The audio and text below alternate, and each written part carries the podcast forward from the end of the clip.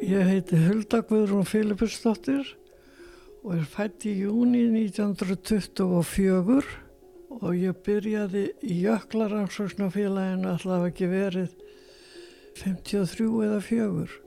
Hulda var skíðakona á yngri árum og hún var einmitt uppi í skíðaskála eftir svo kalluð reppaskil þegar henni gafst fyrst tækifæri til að ganga til liðs við Jöklaransóknarfélagið.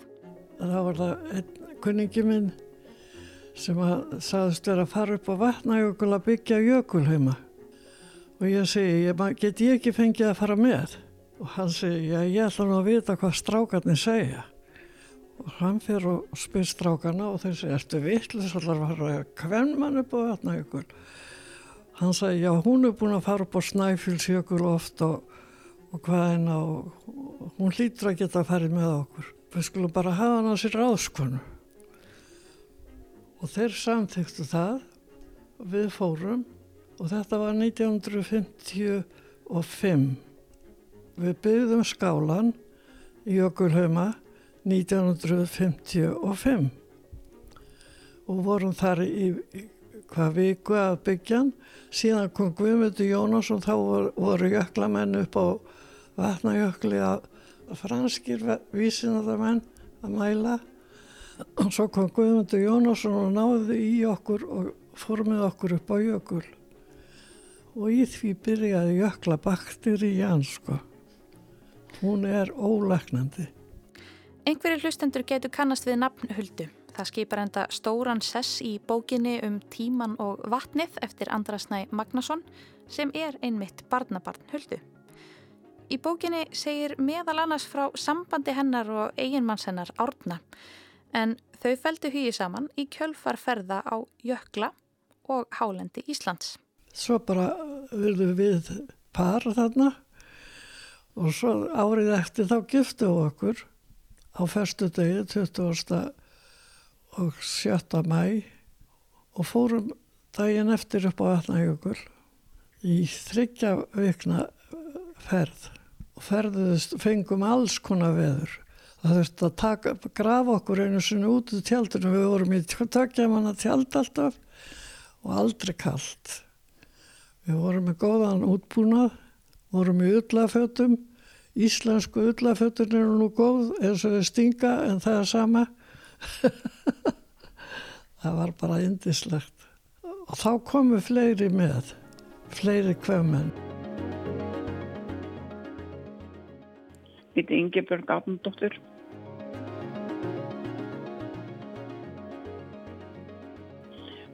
Jón Eithófsson, hann náttúrulega var að stopna þarna Jæklarvanknafélagið og, og vissi af þessu, þessum skíðamennum. Já, þú varst mikil skíðakona. Já, ég var það, var mikil skíðakona og útivistarkona. Af hverju hafið þér áhuga á að fara á jökul? Það var bara uh, spennandi verkefni ég held að ég hafi nú náttúrulega verið búin að vera mikið á, á skýðum og ferðast mm -hmm. og þetta var náttúrulega bara í framhaldi að komast á jökul. Svo það komið fram, þá er Ingi Björg góð vinkona og jafn aldra huldu, 96 ára. Ingi Björgu er sérstaklega minnistætt úr sínum fyrstu ferðum, sá farar tálmi sem tungna ávar á leiðin upp á jökul og það var, það var erfitt að komast yfir ána og það var náttúrulega Guðmundur Jónásson sem að þurfti að kanna botn túnár til að geta kert yfir. Það voru það þurfti alltaf að kanna á hverju vori því að það var náttúrulega plóð í áni og, og þetta voru gróti í botninum sem þurfti að þeinsa en það var voða spennandi. Það var mestir bara talmin það var áinn Hvernig leið þér að gista í tjöldunum á þessum tíma? Þegar við vorum konið upp á jökul. Já. Það fannst mér frábært alveg. Við vorum í tveggjaman og tjaldi við afni og okkur leið svo vel þar. Við vorum með vindseng og svo vorum við með, með gæru eh, og svo í góðum bara sveppoka og svo svamaður í öllafettunum og með húu. Mér var aldrei kallt. Hmm. En þið gáttu setið först í þessum tjöldum í bara lengri, lengri tíma. Það er ekki eins og núna þegar fólk fer í svona ein, tvo dag upp á jökul að þið gáttu sátu, í já það þurfti að grafa okkur einu sinni út úr tjaldinu. einmitt. Ha. Við snjóðum í kaf og þá var allt, það var ævintýri sko. Það var í þessari ferð á undan, þannig í brúkusferðinni. Þá var allt orðið bensínlaust og, og prímjusarnir tómir og, og hvaðina. Og, og svo loksins kom flugvél og hendi niður til okkar bensíni og því sem þurfti. Það var hend, hend niður til okkar blöðum og, og ég, ég get sýntið mynd af því hérna þar sem við erum að taka við blöðunum og, og lesa Nei, vá þannig ég og Inga við erum að lesa blaðið við erum í miðjunni. Ég er í kvítupessunni Já, þið standið hérna í lappi kringum morgunblæði já, já, já, með sólgleru og já, alltaf með solglöfu það þýðir ekkert annað. Það er að passa vel upp á það. Því annars getur maður að fengið snjóbyrtu bara í augun. Mhm. það er allt hvítt, maður sér ekkert. Nei. þegar maður er komin upp á jökul það er bara eins og maður sé komin í annan heim. Akkurat. og veistu það að á vorin svona í apríl þá fór ég að finna jöklalíkt þá var ég orðið svo spennt að komast upp á jökul. Jökla fórum, það var alltaf farið á vorin. Hvernig lykt er jökla lykt? já það er svona einhver viss snjólykt sem maður finnur. Svona indisleg Hvað er það við jökulinn sem að dregur þig svona að? Það er bara þetta fallega útsýni, þetta góða loft og fyrst og fremst bara að reyna á sig og í fallegu, fallegu umhverfi og, Hvernig tók svona fólk í kringum þig því að þú verir að fara upp á jökul? Það var kannski ekki svona hefðbundið fyrir konur á þessum tíma að vera Nei, og kannski ekki hefðbundið fyrir konu með mörg börn. En ég átti nú góðan tendamóður sem var, var tilbúin að hjálpa til. Já, það bara gekk bara mjög vel og þau fóru náttúrulega jökuls og segma börnin. Og hann var líka maðurinn minn, hann var líka íþróttamaður og ferðamaður. Hann var í flugbygguna sveitin og jöklafélaginu. Við vorum það bæði. Já, það hafa mörg hjón verið í jöklafélaginu. Heldur að þetta hafi styrt hjónaband ykkar að eiga þetta sameinlega áhugamál? Alveg öruglega. Þetta var bara okkar líf. Að fara á jökul og, og fara á skýð upp í Jósistal. Þetta var bara okkar líf. En syndu konur öðrum hlutverkum en karlar á jöklinum? Þarna fyrstu þau árin. voru nú aðalega sko að grafa grafa skurði til að mæla uh, snjókomuna og, og svoleiðis á jöklinum og þeir gerðu það. Nei, við vorum aðalega svona snúast í kringu þá bara og gefa þeim að gott að borða og, og svo vorum við á skýðum og hengum aftan í og Henguð aftan í bílun í snjóbílum, á skíðunum. já, á skýðum. Lítið draga ykkur.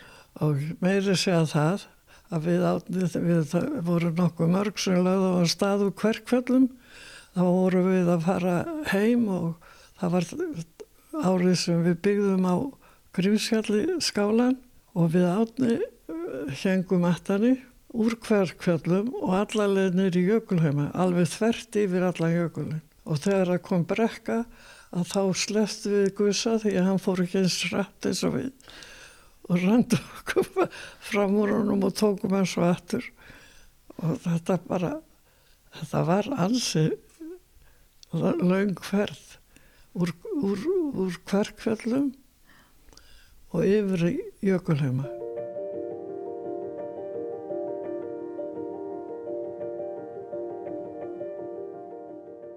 Nú vil ég spyrja það spurningu sem ég er, ég er svona örlítið feiminn við að spyrja það þessu. En uh, mér var sagt að uh, nafnið á einum af sonuðinum Bárði kæmi frá Bárðarbungu.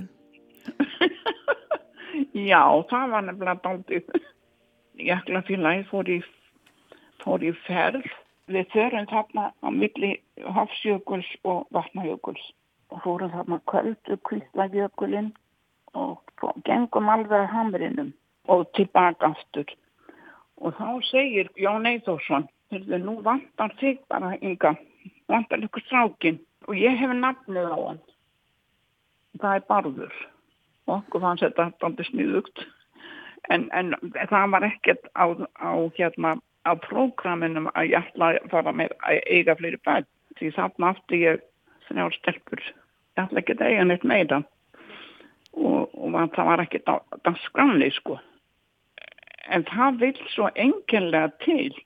Ég verð bara ófrísk þarna. Í þessari ferð? Í þessari ferð bara, það er ótrúlegt. Það var svo ótrúlegt sko í alvöru. Bara þetta, þetta var ekki sko, það var ekki tilöfnum til þess. Við ætlum ekki að fara eiga fleiri barn.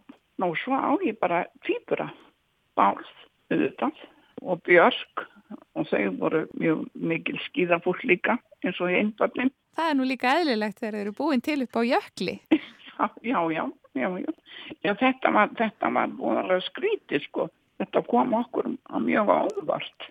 Borðarbunga hefur viljað fá nafna?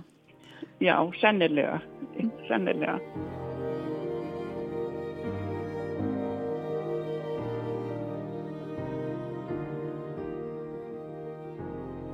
Hvena fórstu síðast upp á jökul? Hvað allir séu mörg ár síðan? Allir séu fimm ár. Já, fimm, sex ár síðan. Síðan hef ég ekki farið mér döglangar alltaf á voruð þá fæ ég alltaf kipp í mig þó ég séu 96 ára en nú hefur það minga svo mikið ég veit að maður þekki sig ekki sko upp á Grímsfjalli þar var allt hvít og snjór og gaman að fara niður í vötnin og þetta var meira segja þegar ég fór síðast það var allt annað Mér finnst alveg synd að það eru að hopa.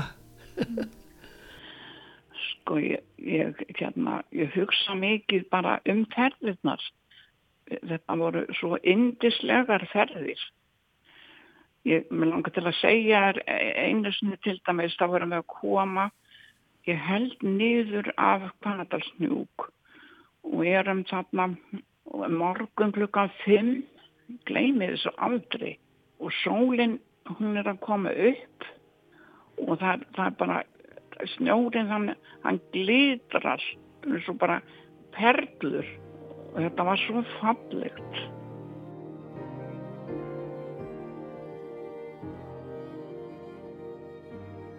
Þú ert 96 ára. Já.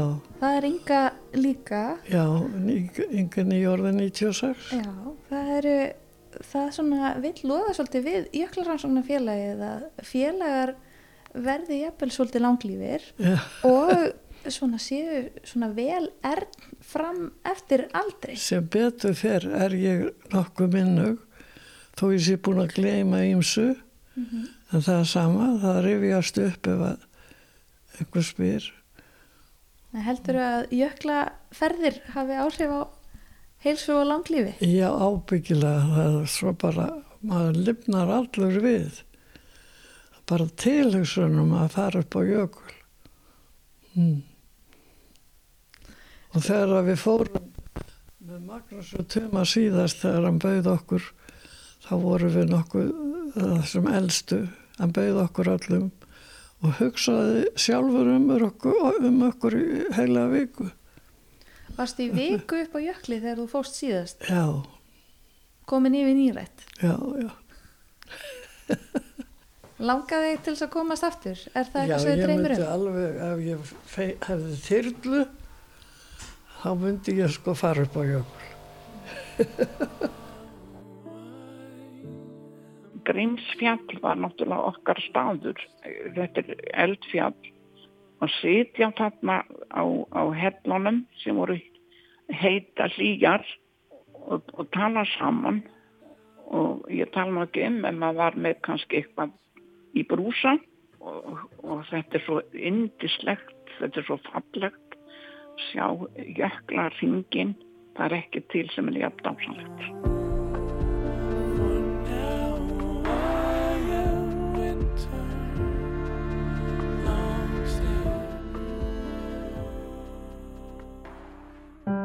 Ráseitt fyrir forvitna.